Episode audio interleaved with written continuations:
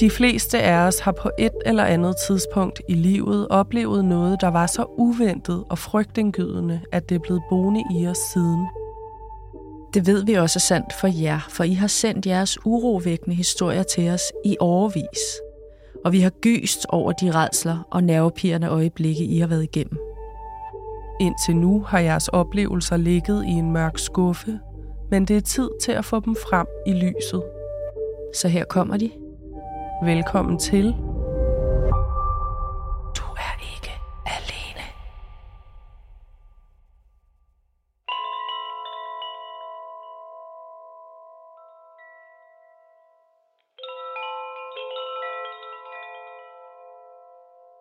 Christine, er du sød at tænde lyset? Jeg er sød at tænde lyset, ja. Vi får øh, ekstra brug for det i dag. Hvad mener du? Det, jeg siger. Hvad betyder det? Vi får brug for varmen fra det der lille sterinlys, og vi får brug for lyset fra det. Og så tror jeg faktisk ikke, jeg vil afsløre mere. Jeg kan bare fortælle, at øh, i hvert fald en af de historier, jeg har med i dag, vil gøre dig lykkelig for, at vi har lys i mørket herinde. Åh, oh, det er en mørk en. Ja. Jeg har jo faktisk også øh, en med, der er virkelig mørk. Ja, Ja. Skal jeg starte? det synes jeg. Den første historie, jeg har med i dag, den hedder Uhyggelig Brøl. Mm-hmm. Ja, den er fra Trude. Kære Mørkeland, jeg skriver i forbindelse med den sag, hvor en ung kvinde fik ubudent besøg. Jeg har selv prøvet noget lignende, da jeg var 14-15 år gammel, hvor jeg var på camping sammen med mine to jævnaldrende veninder. Vi havde lejet en lille hytte uden toiletter, så når man skulle børste tænder om aftenen, skulle man ned til nogle fælles baderum cirka 100 meter fra vores hytte. Der var tre badeværelser lige ved siden af hinanden, som vi plejede at bruge, fordi det passede med, at vi kunne gå ind på hver vores. Væggene mellem de tre rum var meget tynde, så vi kunne sagtens sidde og snakke imens. Nu til den ubehagelige del af historien. En aften, som så mange andre, var vi gået ned for at gøre os klar til natten. Vi stod på hver vores badeværelse, men efter et par minutter kunne vi pludselig høre nogle mærkelige lyde udenfor. Det lød som en mand, der stønnede eller brølede højlydt. Vi kunne ikke rigtig finde ud af, hvilken slags støn det var, men først fnisede vi lidt over lyden, som man jo gør med den slags lyde, når man er 14.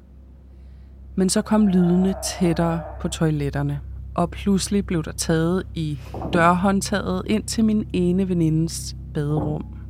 Nej. Heldigvis havde hun låst, og dernæst blev der taget i min anden venindes dørhåndtag, og til sidst mit. Vi kunne som sagt kommunikere igennem væggen, og vi begyndte at blive bange.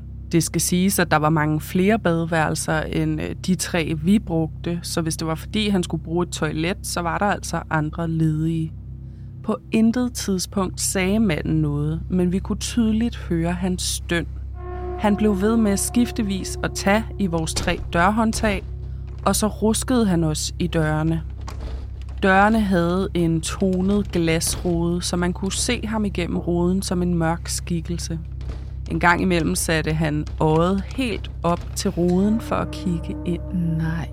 Sådan fortsatte det i 10-15 minutters tid, mens vi blev mere og mere skrækslagende inde på hvert vores toilet.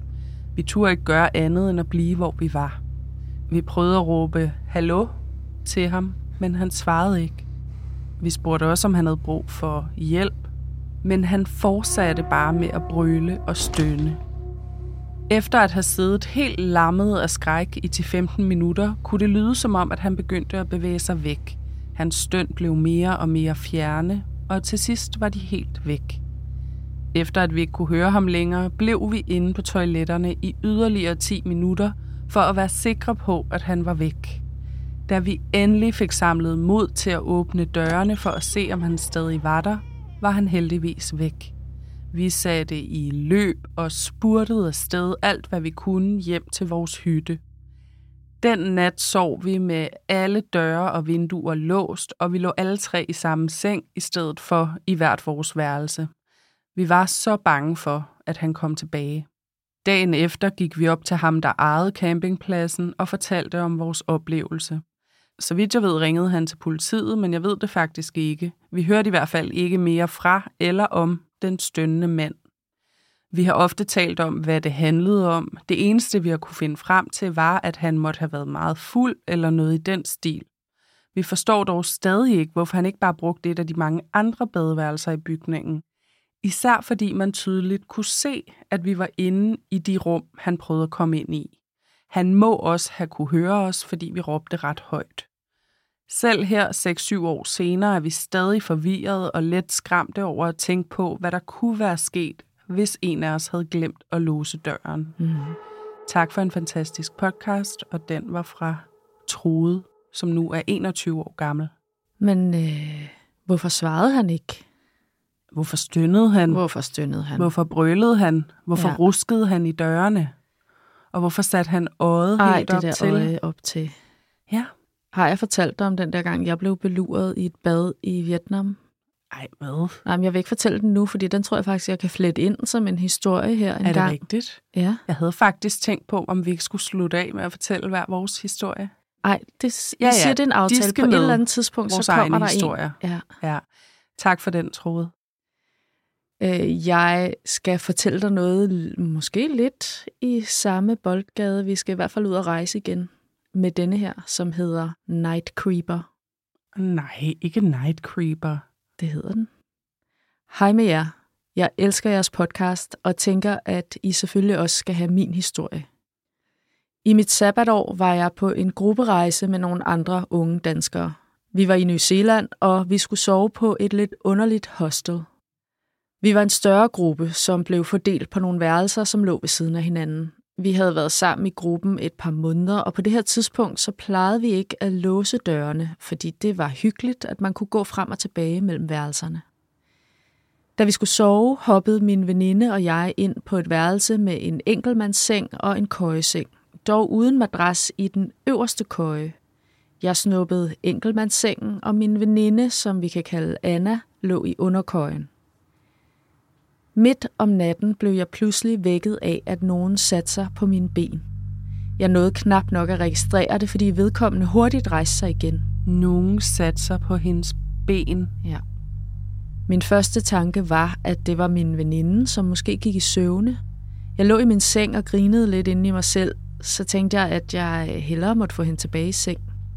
Jeg sagde ud i mørket, Hey, Anna, du går i søvne, og så rejste jeg mig for at følge hende i seng. Men så kunne jeg fornemme, at noget var off. Derfor tændte jeg lyset. Og der fik jeg et kæmpe chok. For det var ikke Anna, der gik i søvne. Inden på vores værelse var der en fuldvoksen mand, som var på vej til at kravle ind i underkøjen, hvor Anna lå og sov. Stop. Hun vågnede selvfølgelig op og var helt forvirret. Hun kunne ikke komme ud, fordi hun lå ind mod væggen, og sengen stod i et hjørne. Manden var tydeligvis enten gået i søvne, meget fuld eller begge dele. Han tog Annas dyne over sig og tog hovedpuden til sig. Jeg måtte hive i ham og halvt råbe, at han skulle skride ud. Jeg skubbede ham ud af værelset, og på vejen ud var han ved at snuppe en rejsehovedpude med, som jeg måtte rive ud af hans hænder. Det lykkedes mig at få ham ud ved at skubbe døren i og låse den efter ham. Vi var selvfølgelig meget rystet, også selvom der ikke skete noget. Dagen efter fortalte vi vores rejsefælder om det, og de havde svært ved at tro på vores historie. Da vi skulle forlade stedet, så jeg pludselig manden fra om natten, og jeg gemte mig faktisk bare. Vi har efterfølgende talt om, at vi tror, han var meget fuld og derfor gik forkert. Så ja, derefter var dørene altid låst. Nightcrawler. Det kunne have været interessant lige at gå hen til ham og spørge ham, Dude, Hvad lavede du hvad egentlig? lavede du i Annas seng? Uanset hvad, totalt skræmmende oplevelse at blive vækket ved, at nogen sætter sig på dig midt om På natten. ben. Vi er tæt på din med, der er nogen, der griber i din tær. Og så ser hun, at der, Der er, er en mand, nogen. der er faktisk en mand, der er ved at, at kravle ind til min veninde Ej. i underkøjen.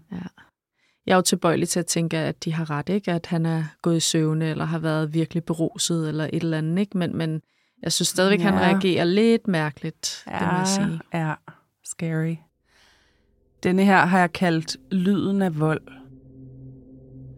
Jeg sidder lige nu og lytter til episode 93, og jeg snakker om, hvad man skal gøre, hvis man hører skrig. Jeg kan fortælle, at jeg har haft flere oplevelser, hvor jeg har ringet til politiet. En nat, hvor jeg lå og sov, vågnede jeg meget bræt ved, at jeg kunne høre en masse klonk, efterfulgt af en kvinde, som skreg helt vildt hæftigt. Og jeg er enig med jer i, at man kan mærke i kroppen, når det lyder forkert. Det skrig, jeg kunne høre, var så gennemtrængende, at jeg gik direkte i panikmode. Jeg var lige ved at begynde at græde, og adrenalinen kørte rundt i min krop, og jeg anede ikke, hvordan jeg skulle handle. Jeg hørte en mandestemme råbe, kom her, efterfulgt af kvinden, som igen skreg helt vildt, og så kom der en masse bankelyde og lyde fra møbler, der væltede. Det lød som om det kom til venstre for min lejlighed, men der boede en meget gammel mand, og det var bestemt ikke ham, jeg kunne høre. Det kunne også godt lyde, som om det kom oppefra, men der bor en meget ung og sød gut, som absolut ikke har sådan en mandestemme. Jeg var så forvirret. Jeg var også lidt mærkeligt omtoget, og jeg havde de klassiske overvejelser. Uh, skal jeg blande mig? Par har vel også lov til at skændes, uden at alle råber vagt i gevær. Men efter flere skrig og mit hamrende hjerte, kunne jeg tydeligt mærke i min krop, at noget uden tvivl var helt galt. Og efter at have lyttet så meget til jer og nikket meget hæftigt med, når der blev snakket om, at vi fandme skal gøre noget, når vi hører eller ser noget, så besluttede jeg mig.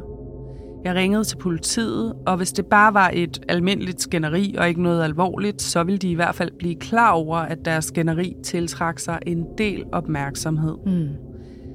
Da jeg fik fat i politiet, kunne jeg høre, at det eskalerede, selvom jeg ikke troede, at det var muligt. Det var så voldsomt, at jeg var lige ved at bryde sammen i telefonen. Jeg sagde til dem, I skal komme nu. Jeg kan høre nogen, som bliver tævet meget voldsomt. I skal komme nu. Betjenten i røret spurgte mig med en meget rolig stemme, hvad adressen var. Jeg oplyste min egen adresse og sagde, hvor jeg troede det var, men at jeg ikke vidste det med sikkerhed. Dertil svarede betjenten, at det skulle han vide. Han kunne ikke gøre noget, hvis han ikke vidste, hvor det var henne. Jeg var målløs. Det endte med, at jeg hang ud over min altan med ham i røret for at se, om der var lys nogen steder. Og heldigvis kunne jeg se, hvor det kom fra, og sagde det til politimanden i røret. Lidt tid efter blev der stille. Da politiet dukkede op, var der stadig helt stille. Men selvom skænderiet og larmen var stoppet, kunne jeg lidt efter se fra mit vindue, at de tog manden med sig i politibilen. Efterfølgende kunne jeg høre pigen græde. Jeg tænkte, at hvis hun besluttede ikke at anmelde ham, så ville der ikke ske mere. Efter noget tid fandt jeg ud af, at hun heldigvis var gået fra ham. Lydene ophørte, og jeg og de andre naboer var lettede. Men allerede en måned efter havde han desværre fået en ny kæreste, og hende tævede han også. Cirka en gang om måneden ringer jeg til politiet. Jeg har talt med en hel del af de andre beboere fra lejlighedskomplekset, og de ringer også til politiet af og til. Vi sidder alle sammen pænt i hver vores lejlighed og venter og næsten joker med, at vi har politiet på speed dial nu. Det er rigtig øv at være vidne til, og jeg frygter, at han en dag krydser grænsen. For jeg har jo mange gange hørt om, hvad der sker, når volden eskalerer. Så jeg frygter kort sagt, at et liv bliver taget, selvom jeg håber, at det aldrig sker. Hilsen T. Det er så trist. Ja, men det siger altså også noget om, øh, altså, at hendes reaktion, ikke, at det sætter sig så voldsomt i hendes ja. krop, hvad hun hører. Hun føler jo, at der er ved at ske noget frygteligt i en lejlighed omkring hende. Ikke? Hun kunne mærke det. Et eller andet sted. Og, og hun er lige ved at græde, ikke? Altså, alt kører rundt i kroppen på hende. Hun har hjertebanken, der ja. er adrenalin. Og, og på det tidspunkt må man jo også føle, jamen det er op til mig at få det stoppet. Hun kan jo ikke vide, om andre er hjemme og hører det. Vel? Om der er nogen, der hører det. Så jeg synes jo bare, jeg synes, det er skide flot, at hun ringer. Fordi det er en barriere, man skal ud over. Mm. Næsten lige meget hvad. Øh, det her med at blande sig. Ja, det og, er det. Og ringe efter politiet. Og det ja. er jo altså sådan, at politiet, de skal nok vurdere, mm. om, øh, om det er noget, der skal gøres noget ved, om det er noget, der øh, kan gøres noget ved, ikke? Ja. Øhm, så, så beskeden er jo stadig heller en gang for meget end ja, en gang for lidt, ikke? absolut. Hvis man overhovedet tænker det, og jeg vil også sige, hvis man er i tvivl, så hellere gøre det. Så ring og spørg politiet. Ikke? Ja. Jeg har den her oplevelse. Hvad synes du, jeg ja. skal gøre? Lad dem vurdere det. Helt klart. Ja. Øhm, så er det nu, du får brug for sterinlyset. med denne her fortælling, som hedder Hun forsvandt for øjnene af mig. Og den Åh. er fra Fatima. Jeg ved næsten ikke, om jeg kan tåle det, og nu føler jeg, at jeg har ryggen til det her gardin, og hvad står der bagved? Jeg skal nok holde øje. Okay, jeg har lige hørt traileren til jeres nye podcast. Helt vildt. Jeg har holdt mig fra den slags fortællinger i en del år, fordi jeg i 2012 oplevede det mest groopvækkende i mit liv. Jeg har efter mange samtaler lært at leve med det, jeg oplevede, og forholder mig til det alene som et dårligt minde nu. Jeg forsøger ikke at tænke på, hvad det var, men blot, at det var noget, der skete. For 11 år siden var jeg på udveksling og skulle der dele værelse med en anden studerende. Lad os kalde hende Faisa. En meget populær, velhavende ung kvinde, som kom fra en virkelig fin familie. Hun havde hele sin opvækst haft alle de privilegier, man kan forestille sig, og lidt til. Hun burde på papiret ikke have en eneste bekymring i verden. Alligevel så jeg hende i løbet af det semester, vi boede sammen, nærmest forsvinde for øjnene af mig. Hun stoppede med at spise, hun kastede op og var ofte syg. Når jeg skriver, at hun forsvandt for øjnene af mig, så mener jeg det så godt som bogstaveligt. Hun var i forvejen en slank, ung kvinde, men hun tabte sig alligevel, så mange lagde mærke til det, og hendes lange, flotte, mørke hår begyndte at falde ud. Da hun havde det værst, røg det ud, bare hun kørte fingrene igennem håret. Først efter længere tid og mange foruroligende oplevelser, blev vores samtaler så fortrolige, at hun fandt modet til at fortælle mig, at hun igennem længere tid havde været hjemsøgt af en ond ånd. Det var hendes egne ord, at hun var hjemsøgt af en ånd, en ond ånd. Jeg må indrømme, at jeg ikke troede på hende. Jeg grinede endda lidt bag hendes ryg, men hendes udvikling var ikke spor underholdende og gjorde virkelig indtryk på mig. Men en ond ånd, det kunne jeg ikke forholde mig til. Jeg havde dog utrolig ondt af hende. Jeg kunne se, hvor dårligt hun havde det. Hun kunne aldrig sove. Når hun endelig var faldet i søvn, var hun meget urolig og talte i søvne. Hun tabte sig og isolerede sig mere og mere. Hun stoppede helt med at gå rundt på campus, og jeg måtte til sidst købe ind til hende, hvis der var noget, hun skulle bruge. Den sociale, populære, udadvendte Fejser, der altid havde veninder, der ringede og kom forbi, var lige pludselig ikke andet end en tynd pige i oversized tøj, der bare sad og ventede på, at jeg kom hjem. Der var ingen veninder mere, der var ingen lange telefonsamtaler og høj musik. Hun sad bare i værelset og forsvandt for øjnene af mig, både fysisk og i personlighed. Jeg prøvede at være støttende og vise omsorg. Jeg var dog helt klart mest bekymret for hendes psykiske tilstand. Og jeg var mistroisk i forhold til, om forklaringen på hendes mistrivsel var, som hun forklarede det, en ond ånd. En ond ånd. Indtil en nat, hvor jeg vågnede ved, at hun igen talte i søvne. Det gjorde hun konstant, og hver gang lød det som om, at hun var i gang med at flygte eller overtale, tikke og bede om noget. Stakkels Fejser var bare i konstant stress og jag og flugt i hendes drømme, og når hun var vågen, var hun til stede fysisk, men aldrig rigtig til stede mentalt. Den lyd, der vækkede mig denne her novembernat, var min roomie, der lå i sin seng og nærmest lød, som om hun var ved at blive kvalt i sin egen visken på en eller anden mærkelig måde. Lyden var det første, jeg registrerede, og så fik jeg kigget over mod hendes seng, og der kunne jeg se en skikkelse. Det var en robust, mørkegrå skikkelse, der stod ved hendes seng og kiggede hende lige ned i hovedet. Nej. Mit hjerte stoppede seriøst. Jeg har aldrig set noget lignende. Jeg kalder det en skikkelse, men det var på en måde en helt almindelig krop af en slags, bare kæmpestor som en bjørn. En robust figur, men det var bare ikke en almindelig menneskelig figur. Jeg stivnede, da jeg fik øjenkontakt med denne her mørke tilstedeværelse. Skikkelsen havde jo egentlig ikke som sådan øjne, men den havde øjne. Jeg kan ikke forklare det. Den kiggede på mig, og jeg kiggede på den. Og i ren angst, så lukkede jeg mine øjne hårdt i pressede mig ned i min dyne og lå bare bum stille. Jeg lå med lukkede øjne og en kæmpe voksende følelse af, at jeg jo burde redde Fejser. Gøre et eller andet, i stedet for at ligge der og være stille. Jeg begyndte at recitere en masse vers fra Koranen. Jeg tænker, at mit navn måske afslører lidt, at jeg sagtens kunne være muslim, og det er jeg også. Og på en eller anden måde så virkede recitationen. Den gav mig en ro, men den gav mig også en styrke til ligesom at tvinge mine øjne op igen. Skikkelsen var der stadig. Nej, nej, hold din kæft. Den stod over Fejser, og på en eller anden måde, jeg ved seriøst stadig ikke hvordan, så fik jeg rejst mig op fra sengen. Min seng stod mod fodenden af Fejsers seng, så jeg kiggede jo vidderligt lige op imod hende, og hvad der foregik op ved hendes hoved. Jeg fik langsomt bevæget mig ud af min seng og var fast besluttet på, at jeg blev nødt til at gå hen og vække hende, kramme hende, gøre et eller andet. Jeg havde ingen plan, for hvordan skulle jeg stille mig imellem hende og den der skikkelse? Skulle jeg til at slås, eller hvad fanden skulle der ske? Når jeg tænker tilbage på det, så ved jeg ærligt talt ikke, hvad jeg forestillede mig, der skulle ske, men i situationen var det ikke længe, jeg havde til at tænke mig om. Men inden jeg nåede hen til hende, og sådan egentlig inden jeg fik rejst mig 100% op af sengen, så var der ikke noget tilbage. Figuren var væk, og det eneste, der var tilbage, var hendes visken, der blev mere og mere klar og tydelig. Den var igen som den snakken i søvne, jeg var blevet vant til at lytte til gennem flere måneder på det her tidspunkt. Jeg kom helt op og kom hen til Faisas seng. I det jeg vækkede hende, slog hun øjnene op og kiggede på mig. Og med det samme sagde hun noget i stil med, du så ham. Du så ham i dag. Jeg ved, du så ham. Jeg kan se det på dig. Jeg sagde bare, jeg tror på dig. Jeg tror på dig. Samme nat rykkede vi vores senge sammen. Det skal siges, at det var et meget prestigefyldt universitet, super fremmed for mig. Alt, hvad der foregik på det universitet, var fremmed. Pfizer var egentlig også mega fremmed for mig. Hele den der livsstil med ufattelig rigdom og den måde at leve på, det minder overhovedet ikke om Danmark, eller hvad jeg er vokset op med, eller de værdier, jeg er vokset op med. Så jeg havde egentlig en afstand til alt og alle på stedet, inklusiv Pfizer. Men den nat, der rykkede vi vores senge sammen. Og så sov vi jo faktisk sammen, sådan som en dobbeltseng, hvor vi sov i ske, klamrede os til hinanden.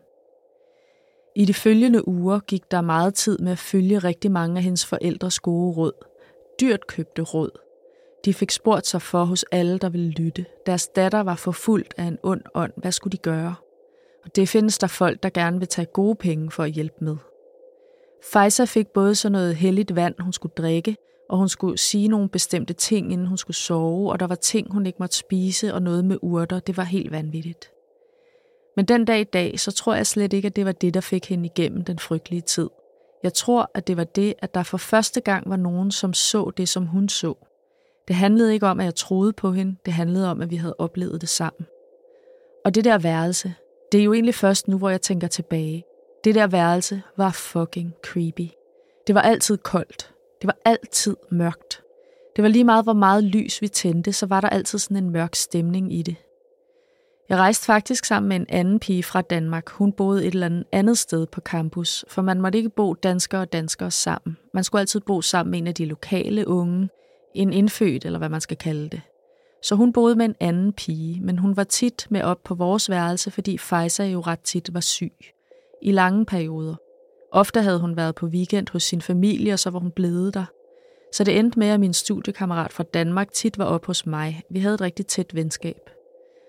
Og vi prøvede alt for at gøre det værelse hyggeligt. My God, hvor vi prøvede alt muligt. Alt det var jo inden selve episoden, hvor jeg selv så de her ting, jeg ikke kan forklare. Vi prøvede alt muligt med at tænde lys, lave lækker te, lave sushi og wellness nights, alt muligt. Vi havde endda sådan et kikset forsøg på at holde en form for jul på grund af vores savn til Danmark, og vi gjorde egentlig mange hyggelige ting i det værelse. Jeg har rigtig mange gode minder fra vores tid i det værelse på campus, men hyggeligt, det blev værelset aldrig. Det var bare sådan et nederen værelse, og det virkede som en klam, ulækker, forladt kælder, på trods af, at det slet ikke fremstod sådan. Så skete der ikke så meget mere lige der. Først efter flere uger, hvor Pfizer og jeg blev ved med at sove sammen, skete der noget igen. Den skikkelse, jeg havde set, dukkede op i min drøm. Nej. Jeg ved ikke, hvad der er op og ned på det her, men dens tilstedeværelse i drømmen var ligesom en advarsel om, at jeg skulle blande mig udenom. Jeg talte med Pfizer om det, og da jeg beskrev drømmen, fortalte hun mig, at det var meget sådan, hendes drømme også var. Det her med, at man kom ind i drømmen, og man var et eller andet sted, man ikke rigtig kendte. Man kunne ikke rigtig finde ud af, om det var indenfor, eller om det var udenfor. Og så var der ikke rigtig andet end den der skikkelse, der henvendte sig til en i drømmen. Den eneste forskel på vores oplevelse var, at det ikke var samme sprog, skikkelsen talte. Jeg husker det som engelsk, og Pfizer fortalte, at det altid var arabisk eller et fremmedsprog, hun ikke kendte, men som hun forstod i drømmene. Pfizer fik det bedre efter cirka 6 måneder, eller ånden forsvandt, hvis det ikke helt. Det var som om hun lærte at leve med den, og gik fra at være ekstremt plaget hver dag, til at det kun nogle dage blev for meget, men hun var ikke plaget på samme måde som tidligere, hvor hun ikke tog at gå ud af frygt og skam, som det havde været i begyndelsen. Jeg ved ikke, hvad det var, der plagede Fejsa. Jeg ved ikke, hvad jeg så. Men jeg ved, at det ændrede min holdning til mystiske oplevelser, der ikke kan findes en logisk forklaring på. Og nu har jeg så valgt at dele det. Det har jeg gjort før. Jeg har delt det med mange af mine tætteste veninder og familiemedlemmer, men det er aldrig noget, jeg har talt med mine kollegaer eller lignende om. Tvivlen på, hvad jeg så, er der stadig, og selvom min nærmeste aldrig har sat spørgsmålstegn ved min oplevelse eller gjort grin med det, så er det her alligevel ikke noget, man bare deler med alle. Men hold kæft, hvor er det bare vigtigt at snakke om det. Jeg tror, der sker så meget af sådan noget her, og man ved jo ikke, hvor man skal gå hen med det, for man føler sig vidderligt som den eneste i verden. Det er meget ensomt, især fordi jeg stadig den dag i dag ikke kan beskrive, hvad jeg så. Og man ender med at føle sig skør, skal jeg hilse at sige. Det var alt. Tak for, at jeg må dele det med jer. Det er faktisk rart, og er med til at bekræfte mig i, at den her oplevelse jo er en del af mit liv, som jeg skal leve med. Tak til jer. Hilsen Fatima. Jeg har så klamme håndflader lige nu. Jeg har læst den her historie mange gange efterhånden, ja. og jeg får iskolde hænder hver ja. gang. Prøv at mærke min hånd. Prøv at mærke min. Ej, du er iskold. Jeg er iskold. Jeg er varm, men jeg er våd. Men du er svedig. Og jeg sad øh, for nogle aftener siden, øh, Fatima havde indtalt den her historie til os, og ja. jeg sad og skulle skrive den ned. Du var gået, det var mørkt. Jeg kan ikke beskrive det, og, og jeg lige for jeg ikke har lyst til at sige noget, fordi jeg jo ikke tror på noget af noget sådan her, vel? Men jeg havde en klar fornemmelse af, hvis jeg bliver ved med at sidde her nu og arbejde på det her, så kommer den her onde ånd. Jeg havde en følelse af, at der var noget andet i rummet, og jeg blev iskold, som jeg blev nu. Og jeg var nødt til at stoppe og gå hjem. Og jeg var i bad, kogende varmt bad i kvarter, da jeg kom hjem, før jeg øh, fik mig selv igen. Ja. Og det fortalte du mig jo så i går, ja. at du havde haft den fornemmelse, og det synes jeg jo bare var det mest creepy ever, ikke? Men så i går aftes, Nej. Jamen, jeg fik sejket mig selv fuldstændig efter, du havde sagt det. Fordi, fordi du begynder at fortælle mig alt muligt med, at du følte, at du ikke var alene, og jeg var sådan, det må du ikke sige hernede, hvor vi er Nej. hele tiden. Ikke? Hvad så? Nu skal vi ja. leve med et eller andet tredje ja. øh, ubekendt. Nej, tak. Men da jeg kom hjem, så skulle jeg sove ind i børneværelset, du ved. Øh, Putte lang historie, ja. ja. Øh, jeg skulle sove alene inde i børneværelset, ikke? Og så sad jeg derinde og sådan, kunne virkelig ikke lide at slukke lyset, men var sådan, ej, tag dig sammen, læg dig ind i den der køjeseng nu, sluk lyset. Og så på et tidspunkt, så var der sådan et preslyd mod døren. Nej. Og først var min hjerne bare sådan, men der er nogen, der har smækket en dør ovenpå, eller øh, den har... Lufttrykket. Der er sket, ja, ja, den har givet sig. Men så var jeg også bare sådan, hvad kunne det egentlig være? Altså, det er jo, det er jo nybyg. Du har aldrig hørt den før? Aldrig. Jeg var bare sådan, det skal jeg ikke det her. Så jeg endte med at gå ind i det andet værelse, ja. så jeg ikke var alene. Okay. Ja, jeg kunne slet ikke. Og det var fordi, du havde fortalt mig det der. Nå, det beklager jeg. For vandregningens skyld og for alle de sterinlys, vi er nødt til at have tændt i de næste måneder. Ja, og nu sidder jeg bare også og er ops på lydene, til. og jeg har ryggen til det her gardin, ja, og jeg skal kan nok holde ikke holde det ud lige nu. Jeg har faktisk lyst til at kravle ned under bordet. Ja. Undskyld mig, hvis jeg lige gør det. Mm-hmm. Uh, tak for den, øh, Fatima. Det har, det har krævet nogle kræfter at fortælle så øh, vild en historie. Ja. ja. Og nu, øh, jeg siger også det her med min oplevelse, mens jeg arbejdede øh, med at få den skrevet ned, fordi jeg vil gerne øh, anerkende, at Fatima jo heller ikke troede på det her. Og hun mm. ved ikke, hvad det er, og hun mm. ved ikke, mhm. hvordan hun skal forklare det. Og jeg har det jo på samme måde, og nu føler jeg bare, at jeg står midt i det sammen med hende. Prøv at høre, Pfizer fortalt hende, ja. der er, øh, jeg bliver forfulgt af noget. Ja. Og Fatimas reaktion på det var jo, ah, det er lidt letterligt. Du har det hårdt, hun troede men det er jo rent det, faktisk sker. ikke på det, Nej, vel? hun gør ikke. Og så hører hun hende tale i søvne, og På vender en sig om Ny måde. og kigger på hende, fordi det lyder mærkeligt. Mm-hmm. Og så ser hun en fucking skikkelse stå Mhm. bøjet over hende. Nej. Hvad for noget? Hvordan Nej. forklarer man det? Nej. Okay, jeg haster videre, inden jeg øh, er nødt til at gå. Ja. Hvor er voldbudet? Hej, jeg var alene hjemme i min lejlighed, hvor jeg ellers normalt boede med mine tre roommates. Jeg havde bestilt mad fra Volt og ventede derfor på, at et bud skulle ringe på. Vi bor i en aflåst opgang, hvor man åbner døren med dørtelefonen oppe fra lejligheden. Da det ringede på døren, åbnede jeg naturligvis, da det passede med det tidspunkt, voldbudet skulle komme. Da de fleste voldbude har svært ved at finde ud af, om vores lejlighed er til højre eller venstre på etagen, åbnede jeg døren, så jeg kunne vente, til budet kom op ad trappen. Men lige i det, jeg trykkede håndtaget ned, kunne jeg mærke en modstand. Jeg åbnede døren, og det var ikke voldbudet, jeg fik øje på. Der stod i stedet en mand og en kvinde lige foran min dør. Det var helt tydeligt, at manden slap håndtaget i det, jeg åbnede døren indefra. De så helt forskrækket ud. De sagde, at de tilfældigvis var kommet forbi bygningen, og bare lige ville se den indefra. Ej, ja, hvad? Ja, mærkeligt, ikke? Jeg blev naturligvis møg forskrækket. I det samme kom voldbudet og min pizza heldigvis op med elevatoren. Jeg fik min pizza, og det fremmede par fortsatte op ad trapperne til næste etage.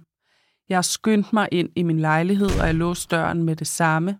Jeg fandt aldrig ud af, hvad de to skulle i opgangen, og hvorfor fanden de tog fat i mit dørhåndtag. Men creepy, det var det. Tog de andre dørhåndtag? Tror du ikke, de gik op ad trappen og tog i flere dørhåndtag? Jo. Hvorfor vil... skulle de dog tage fat i nogens dørhåndtag, ja. ikke?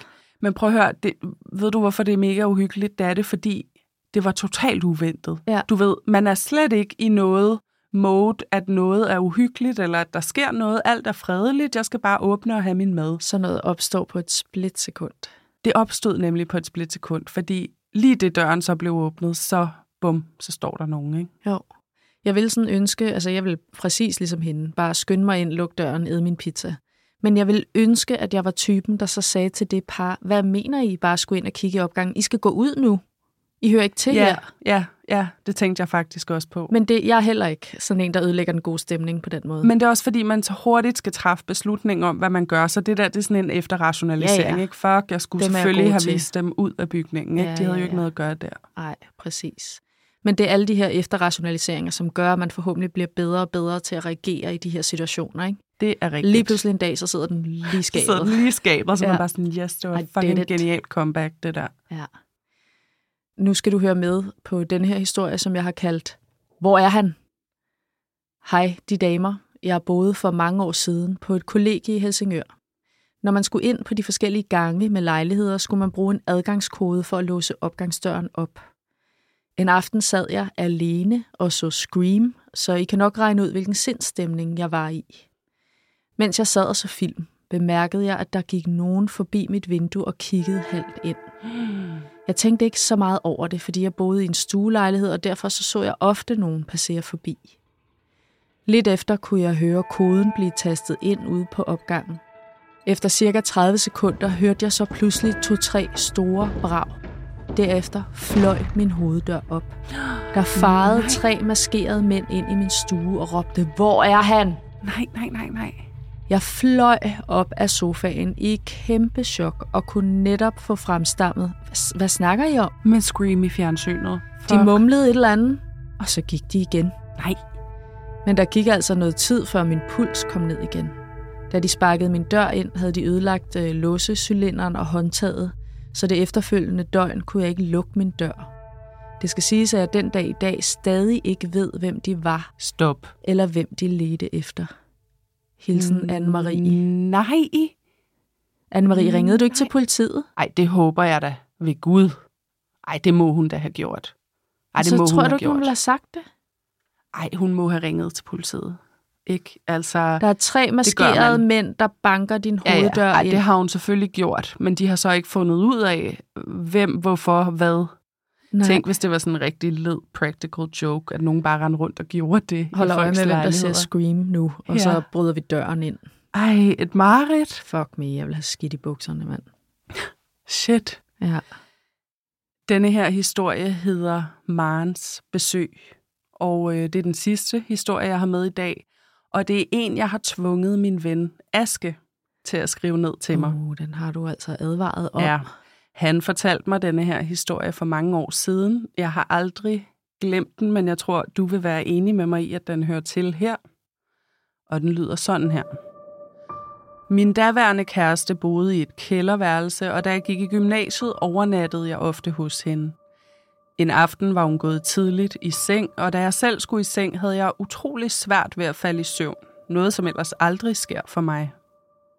Efter at have vendt og drejet mig i lang tid, var den endelig ved at være der, og jeg endte i den der tilstand, hvor man er lige ved at falde i søvn, og kroppen falder til ro. I min døs hørte jeg i det fjerne, at nogen kom ned i kælderen. Min ekskæreste havde en papfar, som ofte gik i kælderen, da hans øllager var dernede, og jeg tænkte derfor ikke videre over det. Dog vågnede jeg i min døs, da jeg kunne høre håndtaget gå ind til værelset.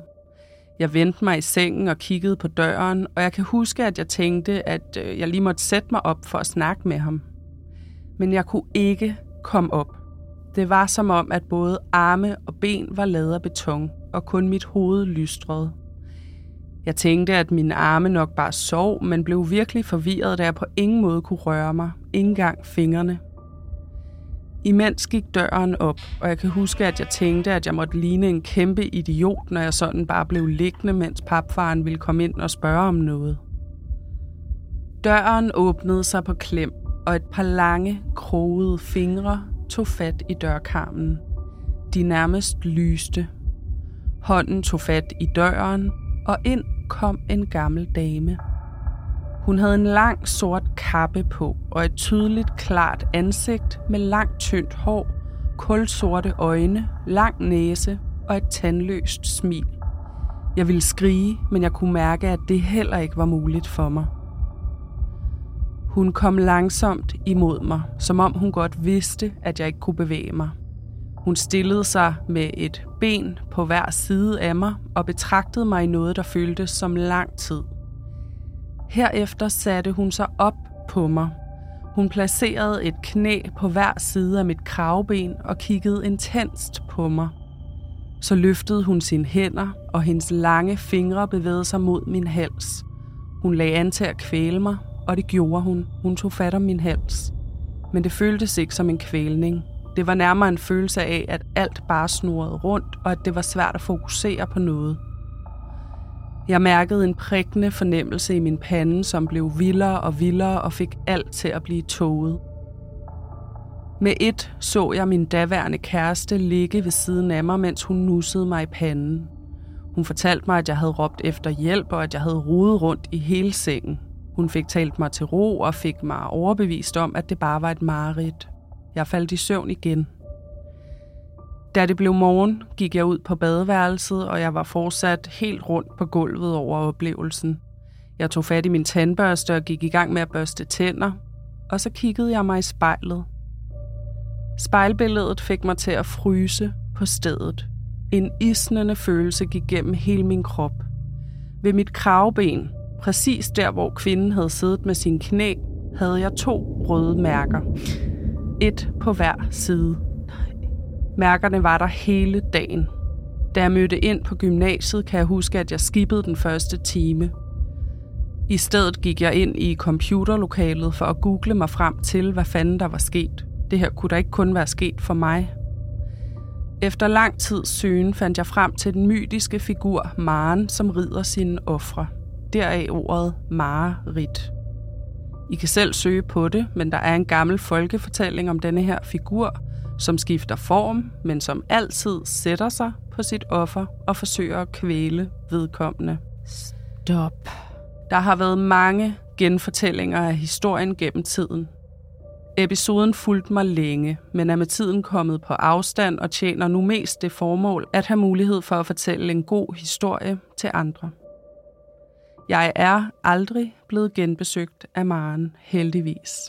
Nej. Det var Aske, der skrev den. Jeg... Og jeg kender Aske. Altså, vi taler Ja. det mest rolige menneske. Ja, jeg kan godt huske Aske. Ja. Ikke noget drama. Nej, ting er, som de Og er. det her fortalte han mig for mange år siden. Men og jeg, jeg var at var så tilbøjelig til, fordi det er jo en ting, der sker, når vi drømmer, det her med, at vi føler, at vi er låst, mm. og ikke kan Mhm. røre os. Altså, Ja. Jeg har altid drømt om noget med, hvor jeg skal ringe på en mobiltelefon, og jeg kan ikke ramme de fucking knapper. Mm-hmm. Altså, det er Mhm. sådan lidt afart der af, at man ikke kan bevæge sig, man kan ikke gøre det, man skal gøre, vel? Mm. Indtil han så står og kigger i spejlet, og har mærker på sin krop. Har mærker på sin krop. Og så det her med, at det jo er en historie, der er blevet genfortalt Og som han ikke kendte inden. Historien, kendte du historien om Maren, der rider på sin offer? hørt om den det, før. der, det vidste jeg da godt. Det er derfor, det hedder et mareridt. Det er da for vildt. Det kan du google. Ja, ja. så er det rigtigt. ja, alt på nettet Nå, er rigtigt. vildt nok. Nå, og nej, fordi men- det men- er Aske, der fortæller den, så er jeg mere tilbøjelig til at tænke, åh oh, nej, fuck, nu får jeg udfordret min, øh, min tro på, hvad der er. Altså, Hvad der er op og ned. Er op og ned, og ikke? om der er mere mellem himmel og jord. Ja, altså... Uh, ja. jeg tror, jeg er due for en oplevelse af, af denne her art selv. Jeg inviterer What? den ikke, Hvordan kan du finde på at Univers. sige sådan noget?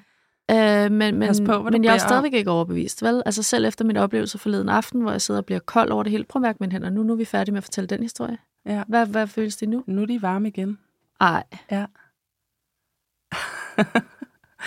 Jamen, det er jo fordi, du, du, øh, du spooker dig selv, ikke? jeg spooker mig selv. Ej, men det er jo fucking uhyggeligt. Og, Jeg kan og, ikke forklare det. Øh, altså, på alle måder et mareridt. Ikke? Ja. Altså at drømme, eller være vågen, eller en tilstand midt imellem, og så se for sig, at hovdøren går op, og ind kommer et par lange, krogede, Ja. lysende fingre, og en gammel dame kommer ind og kigger på dig.